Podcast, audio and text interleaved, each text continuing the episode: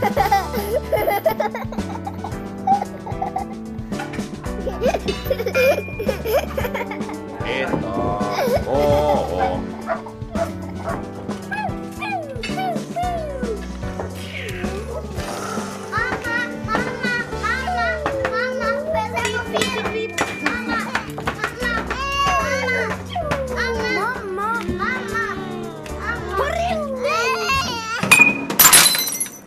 Familjeliv. I familjeliv idag ska vi prata om det svåra med känslor. Det är obehagligt att känna, speciellt känslor som är negativa. Det är skamligt att vara svag och, och fult att misslyckas. Och sorgen, ja den vill vi helst undvika. Hur pratar vi om känslor med våra barn och unga när vi inte ens själva riktigt har koll på våra egna känslor? Och vad kan det leda till om man lägger locket på? Jag kunde inte tala om känslor. Och jag tror att många gånger jag fick frågan att vad känner jag så visste jag helt ärligt inte vad jag kände. Att det kändes bara jobbigt. Många unga som känner ångest och är deprimerade idag är det för att de inte har fått redskap att hantera sina känslor. Ger vi åt barnen förmågan att mentalisera, att sätta ord på sina känslor, att reflektera över varför blev jag så där just att jag sparkade eller slog den och pratar vi om det och hjälper vi dem? På krisjouren för unga i Helsingfors där hjälper krisarbetarna förvirrade unga som inte har lärt sig få kontakt med sina känslor. Ju tidigare vi lär oss att sätta ord på känslorna, desto bättre. Idag besöker vi också en förskola där man dagligen medvetet jobbar med känslor för att det sociala samspelet ska löpa bättre. Pojken är ledsen. Pojken är ledsen. Varför låter han ledsen då? Kanske det har hänt någonting. Mm, det kanske det har gjort. Det här är familjeliv om det svåra med känslor. Jag heter Annika Sylvin Reuter. Och jag heter Nina Cederlöv.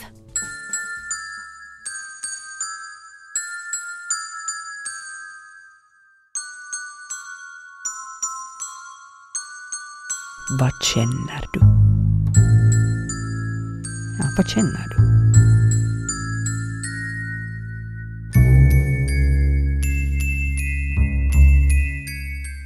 Känner.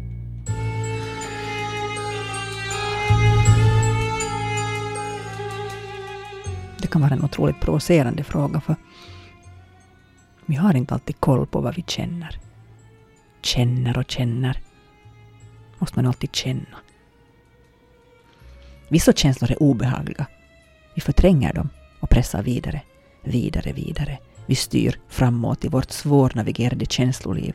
Vi parerar och skyddar, skyddar oss själva uh, från känslor. Obehagliga känslor.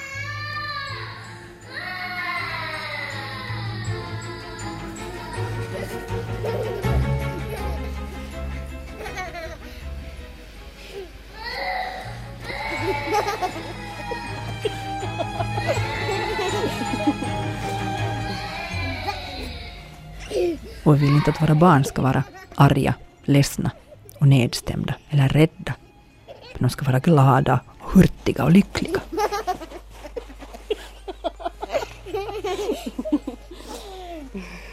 Så vi ber dem kaska upp sig, torka bort sina tårar och äsch, det var nog inte så farligt, säger vi. När vi försöker trösta. Men låter vi barnen gråta ut, sura, vara nedstämda och trilskas. Det är svårt att stå ut med deras ilska och se dem ledsna. Vi vill hastigt torka bort tårarna och få tillbaka det där, den där glada uppsynen och trevliga stämningen. Det är jobbigt med känslor.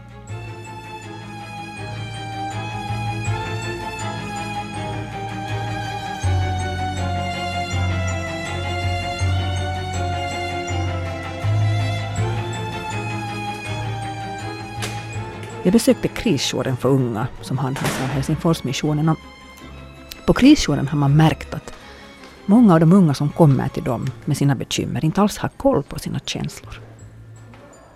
Många av de unga som söker hjälp är känslomässigt förvirrade och rädda och har inte lärt sig att visa alla sina känslor. Ger vi åt barnen förmågan att mentalisera, att sätta ord på sina känslor, att reflektera över varför, kanske jag blev, varför blev jag så där just att jag sparkade eller slog den och pratar vi om det och hjälper vi dem? Det här är Jonna Winberg som jobbar som krisarbetare på jouren. Grundar det då i det att de aldrig har fått en bekräftelse på, att, på sina känslor att det där är okej och att någon har förklarat att hej, du, det är okej att man känner på det där sättet om, det, om du är ledsen eller... Med och diskuterade också Lina Kaivos. Också hon jobbar här på de ungas krisjour. Varför att en, en vuxen har förklarat till dem när de var yngre att varför, varför man känner som man gör och, och att det är okej att känna känslor och inte blivit nekade de där känslorna eller att vissa känslor är okej och vissa känslor är inte okej. Och, och det här kommer ju sen uttryck på många olika sätt. Ångest är ju en sak men att sen att de kommer kanske med något annat problem. Men sen så kommer man in på det här med, med känslor, att, att, men att vad väcker det för känslor hos dig? Och, och då märker man att, att de har svårt att uttala sig om det och, och, och att det finns, ofta kan det vara i bakgrunden, att det ligger i grunden med att, no, men, att det är med mamman eller pappan som de alltid har bråkat kring någonting och sen har man inte diskuterat det efteråt. Nej, man ska inte diskutera det utan det ska... Sen när striden är slut så då är det så och det, man redar inte ut det. Det är nu ett exempel mm, som, mm. som jag kommer att tänka på så här. Mm. Jag funderar på en sån här, ja, no, vår ålders, en, en klient då med mycket kompisar, stort gäng med liksom den känslan av att ingen är ändå riktigt nära. Mm. Och sen i diskussioner kring det, hur det ändå liksom blev ganska klart att det är ju nog hon själv som skapar det, att hon släpper ingen nära.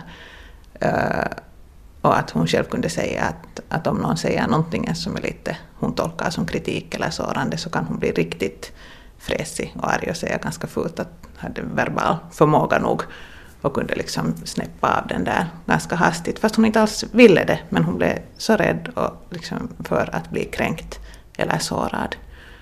Och, och märkte att det var hela tiden i alla hennes vänskapsrelationer på samma sätt.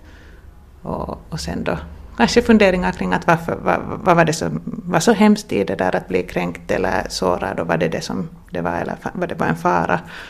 Och, och, och sen då diskussion kring nog hur det hade varit hemma och hur hon hade upplevt det där och kanske hurdant bemötande hon hade fått som yngre, hurdan bekräftelse på hennes intressen eller hennes förmåga hon hade fått eller på vilket sätt det hade visats åt henne. Vilket sen hade gjort henne jätteförsiktig och byggt upp det där skalet. Och, och, och lett till att hon i vänskapsrelationerna var sådana. Mycket vänner och populär men ingen riktigt nära. Och jag tror redan det att, att komma till insikt eller kunna reflektera på det här sättet hjälper en att i framtiden kanske sen våga vara på ett annat sätt med sina vänner. Och att det är det där att handlar om att känna igen känslor och vad det, vilket beteende det leder till. Sen kan starta så här en bild av att, att alla de här som vi nu kallar dem, vi kallar de positiva känslorna. Så det får det finnas. Att mm. allt ska vara ganska bra, man ska vara glad och det ska liksom sånt. Men sen om någon känner sig nedstämd eller, eller de trött eller alla de här, så det ska man inte riktigt visa ut utan utåt ska det nog se bra ut och, och, och så här. Man vill inte heller belasta, kan de säga att de vill inte belasta de andra med, med att de har en dålig dag för att inte det är deras kompisarnas fel då.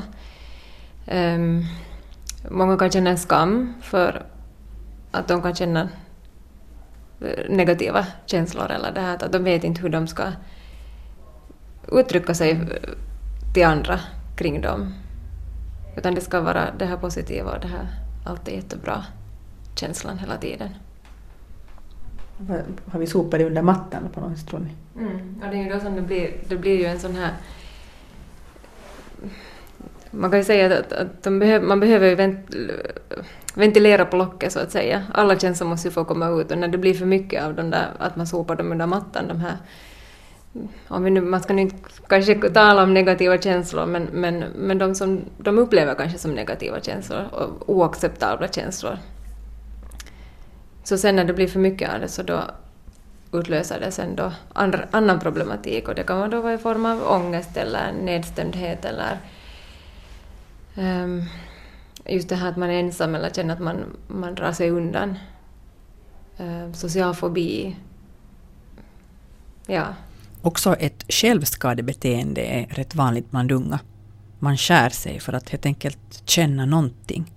Då man känslomässigt stängt av. Det är ju också ett sätt att få ut den, de där känslorna som man inte får ut på en naturlig väg. Så, så det där illamående kommer ut genom det, eller liksom man får en tillfredsställelse på något stund, riktigt för en stunden genom det. Jag kom, började fundera på ett exempel just med det här positiva känslor, för jag tycker det är just det att de, de får ju finnas i mängder. Hur någon sa att, att inte skulle jag kunna ha en pojkvän för inte skulle jag orka vara 24-7 så här glad som jag är. Mm. Då tänker man att just det, nej, då går det ju inte. Att man kan inte ha en pojkvän för att man orkar inte vara så glad dygnet runt. Att man liksom måste ha någonstans den där ensamma tiden för att kunna få vara ledsen. Och sen när du frågar att sopar vi under mattan, inte kan man ju heller här, inte vet jag hur man gör i alla familjer, sopar man under mattan, men på något vis tänker jag just det där att tillåta i, inom familjen och redan hos barn tillåta de där negativa känslorna och de där raserianfallen och kanske liksom lite förklara dem att kan det bero på det här? Blev du kanske därför så arg för att det var så här? Inte det är ju alltid så lätt och man kanske själv har nerven kort men att det, fast man då själv i situationen skulle ha nerven kort kanske man kan ta upp det till tals efteråt att nu blev vi ju nog båda jättearga. Mm. Klockan var mycket och vi var hungriga att kan det var säkert också därför och hur kändes det när jag blev arg och så här liksom tala om de där svåra känslorna. Så då skulle ju liksom dagens ungdomar ha lättare att tala sen.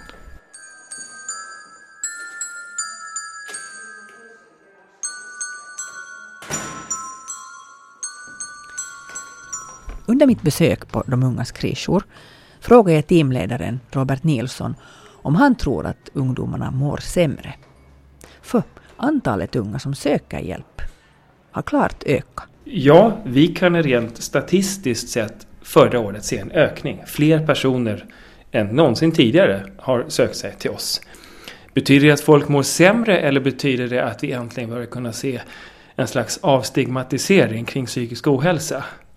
Sanningen ligger kanske någonstans mitt emellan. Att jag har inga belägg för att säga att folk mår sämre nu än någonsin tidigare eller att fler mår sämre. Det känns bättre att kunna göra en tolkning som då snarare kanske går in på att det kanske är mer acceptabelt att öppna upp sig, att eh, våga tala om sina problem eller sina utmaningar. Eh, jag ser det på det sättet. Men statistiskt sett, jo, en ökning. Jag tror på riktigt de under 20, om man ska säga, och yngre, så talar nog mera om sitt psykiska välmående. Men de kanske också talar sådär eh, inte raljerande men lite sådär att oh, jag är sån borderline typ helt eller du är helt ADHD och det är liksom så här på den nivån. Så, men, men så pratar de ju. Men att de nog också kan komma riktigt söka hjälp för att prata, det är liksom också lättare. Men sen just det där att berätta att den där föräldragenerationen, att morsan skulle tro jag är helt sjuk om hon skulle veta att jag går i någon terapi. Eller så här. Att det är liksom, där känns den där klyftan stor, att de tror, jag vet inte att det är sant, men tror att föräldrarna skulle tycka att det är liksom helt wacko om man måste gå och prata. Medan de sen med kompisar kan vara ganska sådär öppna med det. Ofta, de kommer ju också tillsammans med kompisar, kan de ofta komma hit. Vad tror du att det beror på? Att det finns en sån uppfattning bland de unga? Gentemot föräldrarna Ja. eller? Men nog kan det vara helt sanning. Va? Inte, det kan vara sant att det är så. Att föräldragenerationen ännu har en sån lite inställning att, att man faktiskt är lite sjuk om man behöver så mycket hjälp. Eller kanske att de själv skulle tycka att, att de ska vara ganska sjuka för att söka hjälp. Kanske mera så. Nu tror jag att de flesta föräldrar vill och unnar sina barn att, att gå och prata men att kanske de skulle dra sig för att själv gå. Jag vet inte.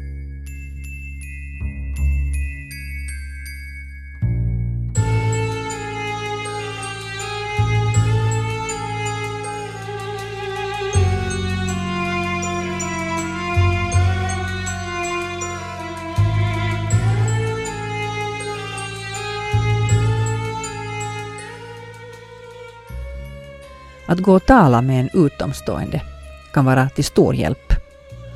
På krisjouren för unga får jag träffa en av klienterna. En ung, i äldre tonåren varande tjej som har fått hjälp med känslorna. Hon kom hit på grund av svår ångest och panikattacker. De flesta som kommer till krisjouren är helt vanliga tonårskillar och tjejer som modigt vågar be om hjälp.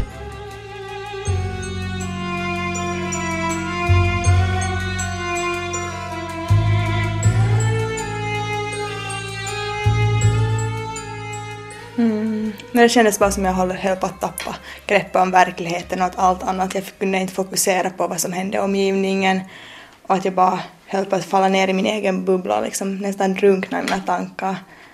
Sån där, jag har jättestark panikkänsla, jag vet inte, det är jättesvårt att förklara helt sådär. Ja. Den här tjejen har lidit av panikattacker. Hon har skrivit en text om hur det känns när hon plötsligt drabbas av panik och ångest. Jag går till skolan, allt känns helt okej. Jag träffar mina vänner i skåpet och vi går tillsammans mot klassen. Jag börjar känna ett obehag för att gå in. Jag är rädd för att få en panikattack under lektionen och för att jag inte slipper ut ur situationen om det känns jobbigt. Men jag går ändå in. Jag sätter mig på min vanliga plats. Jag känner att jag är spänd och märker att jag börjar andas allt fortare och pulsen stiger. Mina händer skakar. Paniken växer. Omgivningen känns som ett enda kaos. Mina tankar flyger.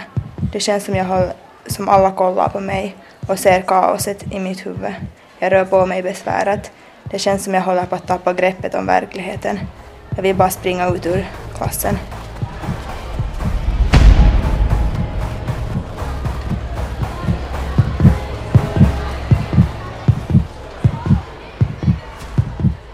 Jag räcker upp handen för att be om tillåtelse att gå på WC. Läraren drar ramsan om att det är det rasten är till för. Jag kollar ner och går ut. Jag går med snabba steg till ett lugnt hörn och sätter ner mig. Tårarna faller ner för kinderna och jag hyperventilerar. Jag känner mig yr. Jag sätter musik i öronen och, drar och börjar andas djupa andetag samtidigt som jag räknar i huvudet. Jag börjar andas allt lugnare och paniken lättar. Jag känner mig tom och trött. Ängsligheten finns kvar. Jag går tillbaka på timmen. Jag har svårt att hänga med vad som sägs på lektionen, men jag gör mitt bästa för att följa med och inte fokusera för mycket på ängsligheten.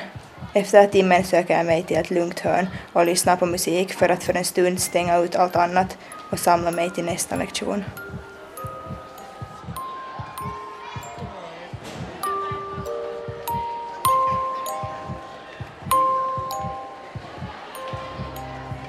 Och då, då måste du bara sticka. Mm. Vad hände? Du stack från timmarna. Mm. Ja. Och sen, jag försökte gå tillbaka efteråt men inte gick det alltid. Men hur handskades vuxna runt dig när de såg det här, när det hände så här? Nå, vissa lärare kom och talade och frågade och sen sa till mig att det är såklart självklart att jag får gå ut när jag känner för det, att det är inte någon stor grej. Äh, Medan sen andra inte alls förstod mig. Och, ja, Hur kändes det? jobbigt. För jag försökte ändå göra mitt bästa hela tiden. Och jag kände att jag misslyckades, att jag inte kunde leva upp till de förväntningarna på mig, att jag borde lyckas och vara på timmen och följa med, vara aktiv. Och sådär. Men jag inte klarade av det. Mm, jag hade jättestark ångest, eller jag visste kanske inte att det var ångest då. Och sen hade jag panikattacker. Och jag tror att det var när jag fick börja få panikattacker som jag insåg att jag måste söka hjälp på riktigt och göra någonting åt det. Att jag orkar inte mera. Mm. Hur var det för dig att ha en panikattack? Vad hände? Mm, när jag fick svårt att andas och jag började gråta. Jag började, det kändes bara jättejobbigt. Jag blev jättespänd. Jag får allt, liksom sprang ut från alla stationer i så fall, liksom när jag fick en panikattack. Och så. Ja. Hur reagerar folk på det? Dina föräldrar och så? Det var inte så många som visste det.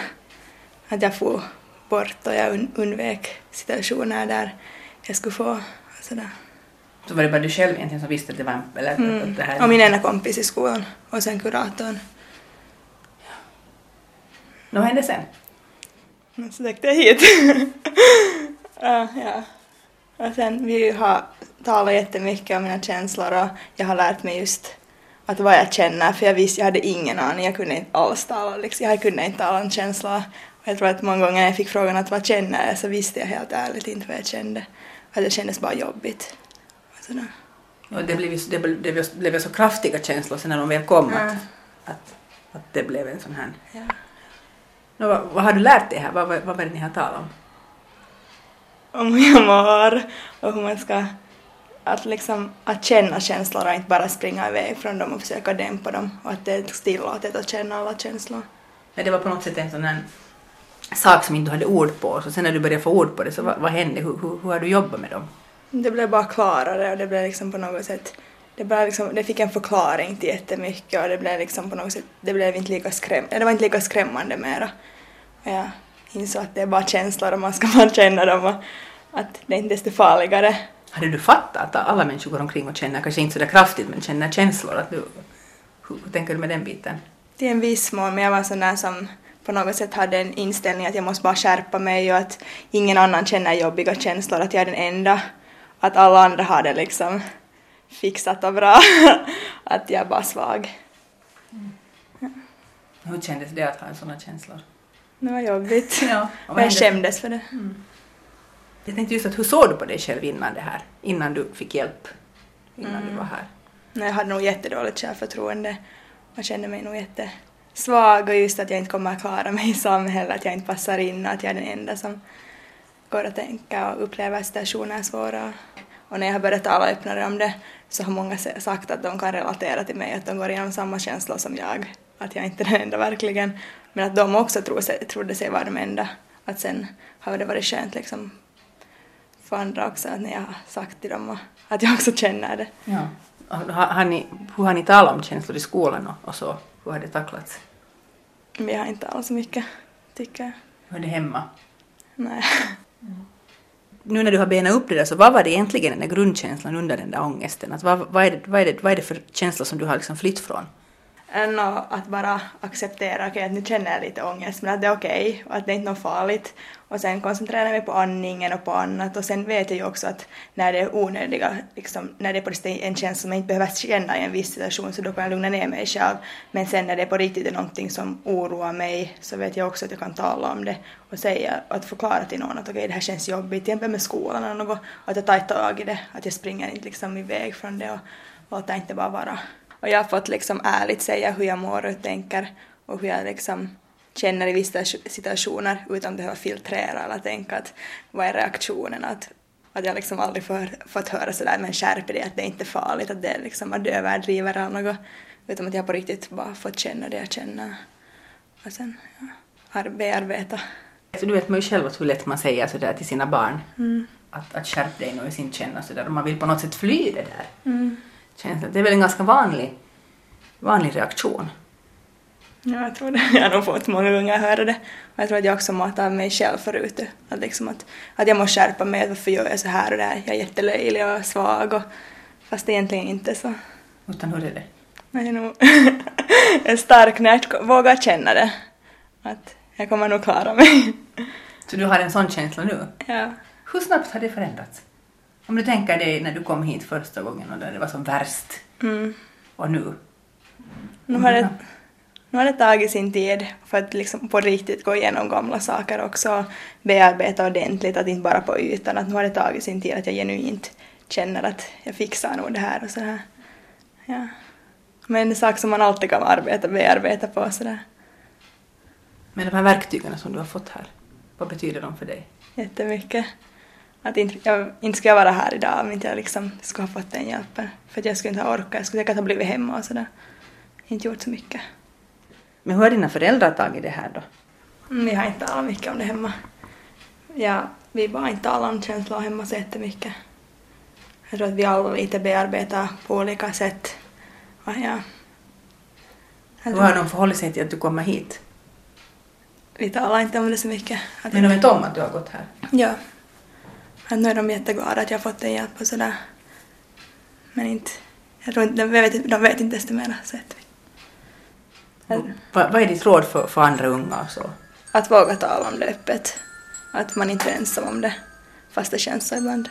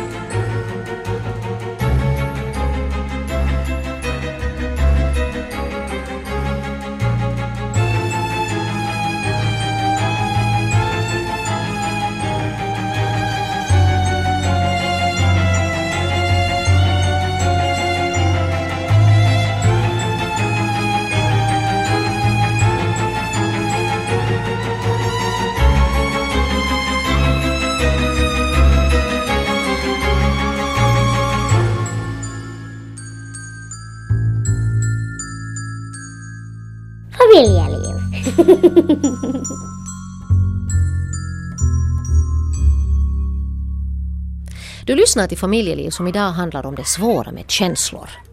Ju tidigare man lär sig identifiera olika känslor och lär sig att sätta ord på dem, desto lättare har man sen i tonåren och i vuxenlivet. Det gäller alltså att börja tidigt.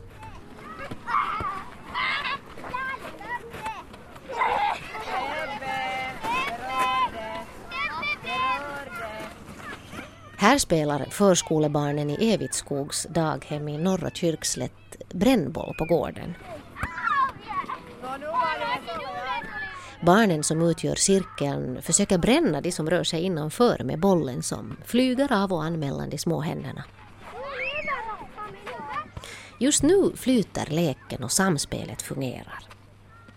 Här har man aktivt gått in för att jobba med känslor, med att locka fram den empatiska förmågan hos barnen för att det sociala samspelet ska flyta så bra som möjligt. Förskoleläraren Anne Sirén tycker att det är viktigt att prata om känslor med barnen. Jag tycker liksom det här att, att alla har vi ju känslor och alla har vi rätt till känslor. Och för att lära sig det finns de här utåtagerande barnen, så de behöver veta också liksom varför man fungerar på ett visst sätt. Det är att man, man får bli arg också här i förskolan. Och, där, och det är, men att hur man beter sig när man blir arg, liksom, att man ska komma, komma vidare med det. Liksom, och det att man får aldrig liksom, göra någonting illa. Att man tycker att det är bara liksom, det är någonting som bara man måste diskutera. Man lär sig inte om man inte tar upp det till diskussion också. Att det bara inte kommer annars inte. Vart har du mina faluskor? Vart har du lämnat dem? En av väggarna i vargarnas, det vill säga förskolebarnens utrymmen, pryds av så kallade känslomålningar. Det är målningar som barnen målar i tre etapper under året. På hösten när de börjar, kring julen och på våren. Barnen får själv bestämma vilka färger som representerar vilka känslor och motivet är alltid fritt. Jag frågar förskoleläraren Anne Sirén på vilket sätt de här känslomålningarna ändras och utvecklas under året.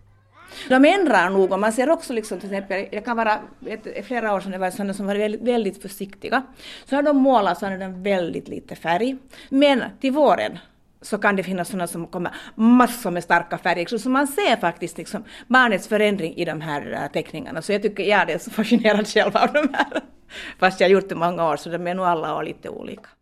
Sen har vi dessutom ett känsloträd som de då har har samma färger och samma känslor som de har i sina målningar och så går de och plockar in sina känslor på trädet. Om de är lågt ner så då känner man inte så hemskt bra och är man då högt upp så är det bra. Och de som sagt då har sina egna färger och så har de då sina äppel på äppelträdet som då har sitt namn på, på de olika färgerna, alltså de, deras eget namn på de här olika färgerna som de plockar in hur de känner sig. Och de har burkar här som de vet att ifrån de hittar sina känslor och så går de och plockar fram dem och så frågar de vad var den här gula nu igen? så de har olika färger. Här har till exempel ja. nu Fanny en, en gul, ett ja, gult äpple ja. och Olivia har ett blått äpple och vad representerar de här färgerna, mm. kommer du ihåg? Ja, gul är, den blå är glad, roligt är den här gula. Så de, kan de ja. helt alltså självmant barnen komma när de känner att nu vill de uttrycka sin känsla på ja, trädet eller ja. har ni någon viss stund som ni gör det? No, I början så har vi att vi har gått på morgonsamlingen till exempel, han har kunnat sätta in sina känslor. Men de går nog ganska ofta liksom så här på dagen annars också. Och ibland så kan jag säga att hej, hur, hur har det med känslorna? Och då fixar de det själva och så går de och flyttar på dem hur de vill ha det. Och de kan mitt på dagen så kan de inte alltsammans stiga upp och gå och sätta, sätta de grejerna där. Det är, på hösten är det för barnen viktigare, har jag märkt nu. Att nu på våren så har de inte, de alltid då och då sätter de in men inte lika aktivt, så man får, nu får jag påminna dem om det.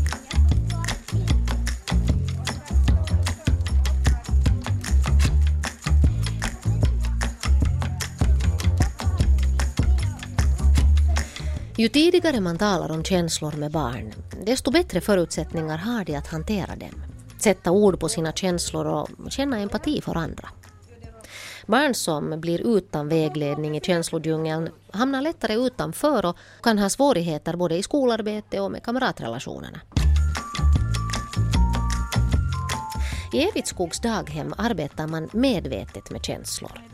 Förutom känsloträdet och känslomålningarna använder pedagogerna ett läromedel vid namn Stegen som är ett vidareutvecklat material av Stegvis som du kanske hört talas om. Ögonen tittar, öronen lyssnar, munnen är tyst, kroppen är stilla. Och då vet vi att vi börjar med den här grejen. Lyssnartipsen hjälper barnen att koncentrera sig inför dagens lilla stegen-session. Mm, och vi kommer idag att ha en stegen som vi har haft tidigare. Och det var det här att sätta ord på sina känslor. Kommer ni ihåg hur man skulle göra Ja. magen där, så man skulle säga, säga hur man känner det. Det är det som vi ska prata om idag. Okej. Okej, ska vi flytta på oss? Läromedlet Stegen innehåller 28 veckoteman. Varje vecka har sitt eget tema och varje dag sitt eget moment som tar ungefär sådär 5-10 minuter i anspråk. På måndagen har Anne Sirén ett litet dockspel med handdockorna. På tisdagen diskuterar man kring en bild som porträtterar en viss känsla. Men vad tror du att här händer, på den här bilden händer? Pojken är ledsen. Pojken är ledsen. Varför tror du att han är ledsen då? Kanske det har hänt någonting. Att han är ledsen, Oskar? Munnen. På ögonen. På onsdag och torsdag gör man små uppgifter förknippade med veckans känsla. Och på fredagen läser man en bok kring temat. Så här rullar det på dag efter dag, vecka efter vecka. Barnen lär sig känslohantering och hur man kan vara en bra kompis bland annat. Stegen är också ett led i det mobbningsförebyggande arbetet. Hur tror du att ni skulle känna det här? Om man blir retad, hur känner ni när man blir retad? Vad säger Alex? Ledsen. Du känner dig ledsen. Vad gör du då? Om man blir retad, vad, vad gör du då? Jag går och säger till en Du vuxen. går och säger till en vuxen. Mm. Och Sebastian då? Och jag blir arg. Du blir arg du. Vad skulle du kunna göra då om du blir arg? Lugna ner mig. Och vad man kan göra för att lugna ner sig, det vet barnen. Magandning är svaret. Du ska inte svimma nu. Ja, jag svimmar. Bra, bra. Nu hur är det annars här på dagis så där när ni leker tillsammans? Om det blir bråk, blir det någon bråk med varandra? Men vi fixar det nu. Om vi fast en lek som inte alla vill så gör samma sak och ena vill leka det och andra vill leka det så kan vi göra lite av båda. Nej, men vad tycker ni om det här stegen? Det här som ni håller på med Anne? Bra, bra. bra. Roligt. Mm, för att man lär sig mycket. Mm, magandningen. Just det. När, när behöver man magandas? Mm, då när man är arg eller ledsen eller... Just det. Om man har ledsamt? Ah, okej. Vad, vad händer efter att man har magandats? Det blir bättre.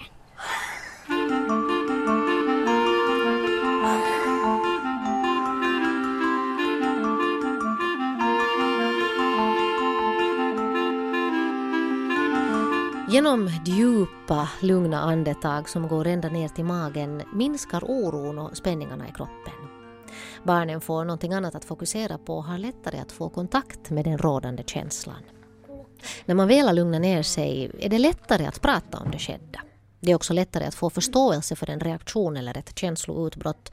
Men lätt är det definitivt inte för en sexåring.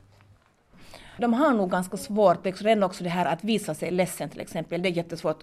Glad kan man alltid se ut, men att visa sig ledsen, hur är man verkligen när man är ledsen?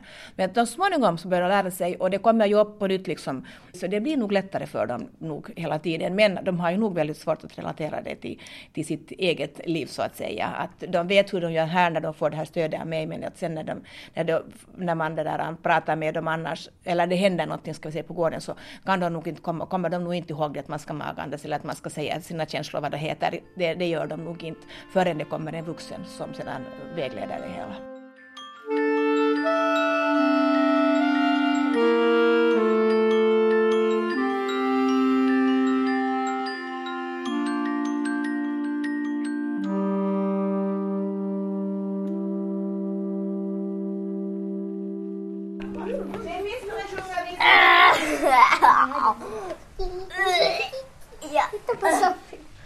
Vi håller oss kvar i Evitskogs daghem i Kyrkslätt där man medvetet och långsiktigt arbetar med känslor. Med fyra, fem och sexåringarna tar pedagogerna hjälp av läromedlet Stegen som tar fasta på barns förmåga att lyssna och fokusera. På att hantera starka känslor och, visa omsorg bland annat. Nåja hörni, nu har vi vår stödsång. Får ni börja städa? Via sånger, dockspel, sagor, övningar och samtal lär sig barnen sakta men säkert de grundläggande färdigheterna som behövs för att utveckla kamratrelationer och, klara sig i skolan.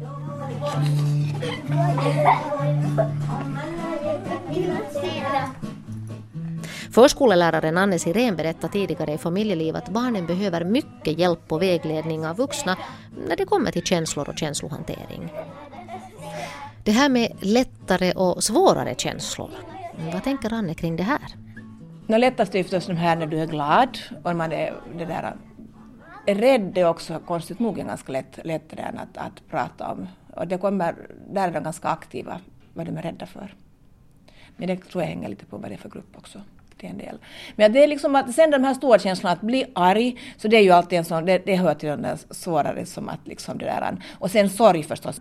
Men det är nog liksom, men så är det också hemskt olika, en del tycker att det är hemskt lätt liksom med en del känslor och andra tycker att det är jättejobbigt. Men att jag tycker att liksom den som vi nu börjar med så är det ju de här, eh, är jag glad och ledsen och förvånad förvånad är nog en sån här som inte någon riktigt förstår sig på. Inte. Att det är liksom sånt som man nog får gå liksom lite mer igenom men sen när de vet vad det är. Men det är också en, så att säga, en positiv känsla om man nu kan säga att på det viset en, en känsla liksom, så förvånad är nog mer en positiv för dem än, än en negativ.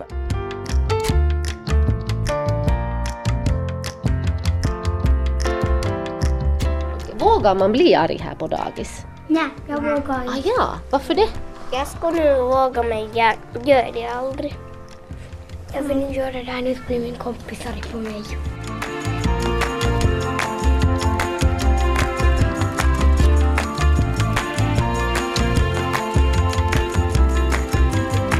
För de är ju så här att de är liksom, en del har lätt för en del och andra för andra och en del har inte lätt för något känslor inte.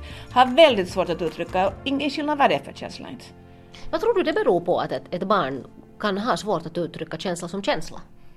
Jag vet inte, så vet jag en, en del liksom har den här, som jag får den känslan att de funderar liksom på att vad är rätt och fel? Att hur ska man känna det här? Utan att, liksom att själv tänka på hur jag känner utan vänta på det liksom att jag har ett svar åt dem och att liksom och det jag väntar på är så att säga rätta svaret. Och det finns inget rätt svar inte. Och vad gör du då som pedagog? Oftast försöker jag svara att "Nå, det, är, din- det är en tanke, vad har du för en tanke? Men då så småningom så lär de sig det här att det är inte ett, egentligen ett svar som, på det viset ett svar som jag vill ha som är rätt och fel. Utan allting går. För som sagt, vi känner alla olika.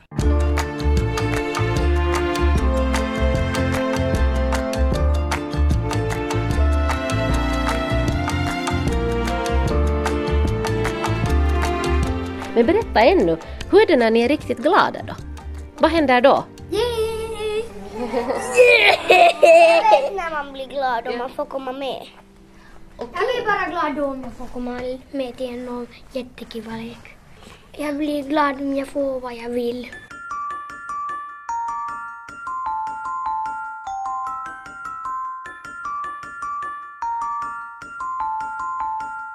Hur- Hur färggrant vågar du visa egna känslor här? Och jag är väldigt känslomässig. jo, jo, jag visar nog, jo, jag, jag visar minsann när jag är arg, men jag visar också när jag är, är, är glad.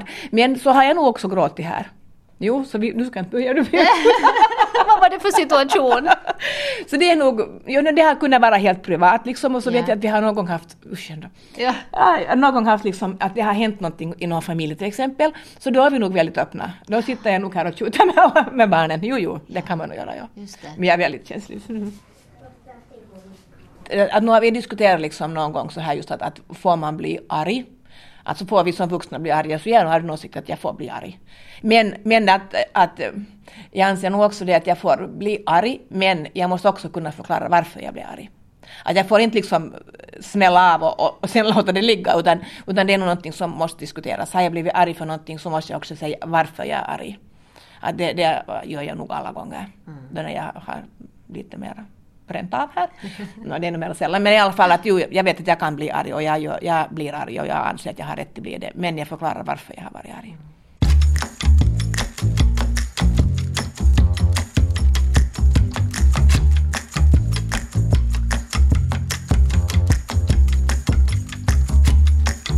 Eh, det goda sociala samspelet är nyckeln till all konstruktiv interaktion med andra levande varelser eller hur? Det här är stora grejer det handlar om. Alltså det är ju enorma grejer som vi pratar om. Ja. Och man tänker liksom på, de ska ut i arbetslivet, de ska först till skollivet och skollivet från, från, från det där förskolan är ju lite annat. Och det blir så mycket mera elever och det finns, blir så mycket mindre vuxna. Det, det är nog en jättestor grej. Och, men det här just också det här liksom att de skulle vara så, hoppas vara så färdiga att när de skulle liksom komma till skolan att de skulle klara av till en del att fixa de här sakerna själv.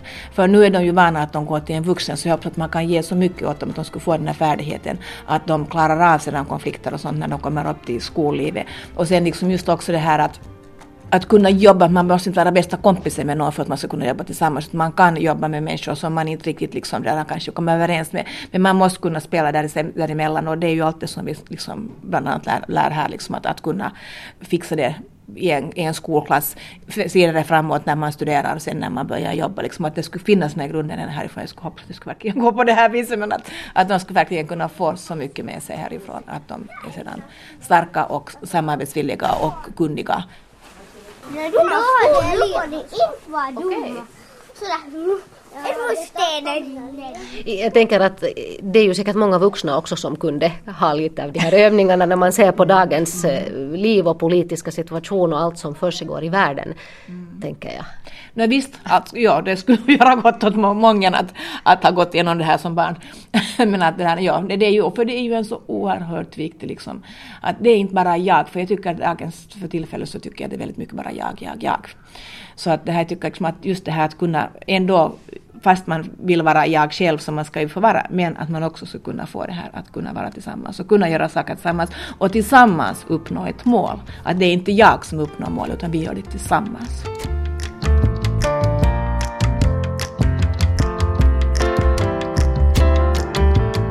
Det sa förskolläraren Anne Sirén.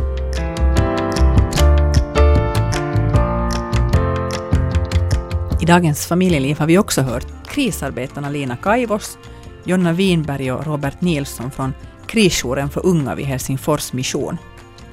Också föräldrar kan få stöd via Krisjouren för unga om man är orolig för sitt barn. Och vill du veta mer om läromedlet Stegen som pedagogerna bland annat i Evitskogs daghem och förskola använder kan du kontakta Folkhälsan. Det var familjeliv om det svåra med känslor. Jag heter Annika Sylvin Reuter. Och jag heter Nina Cederlöv. Vi hörs igen om en vecka. Ha det gott.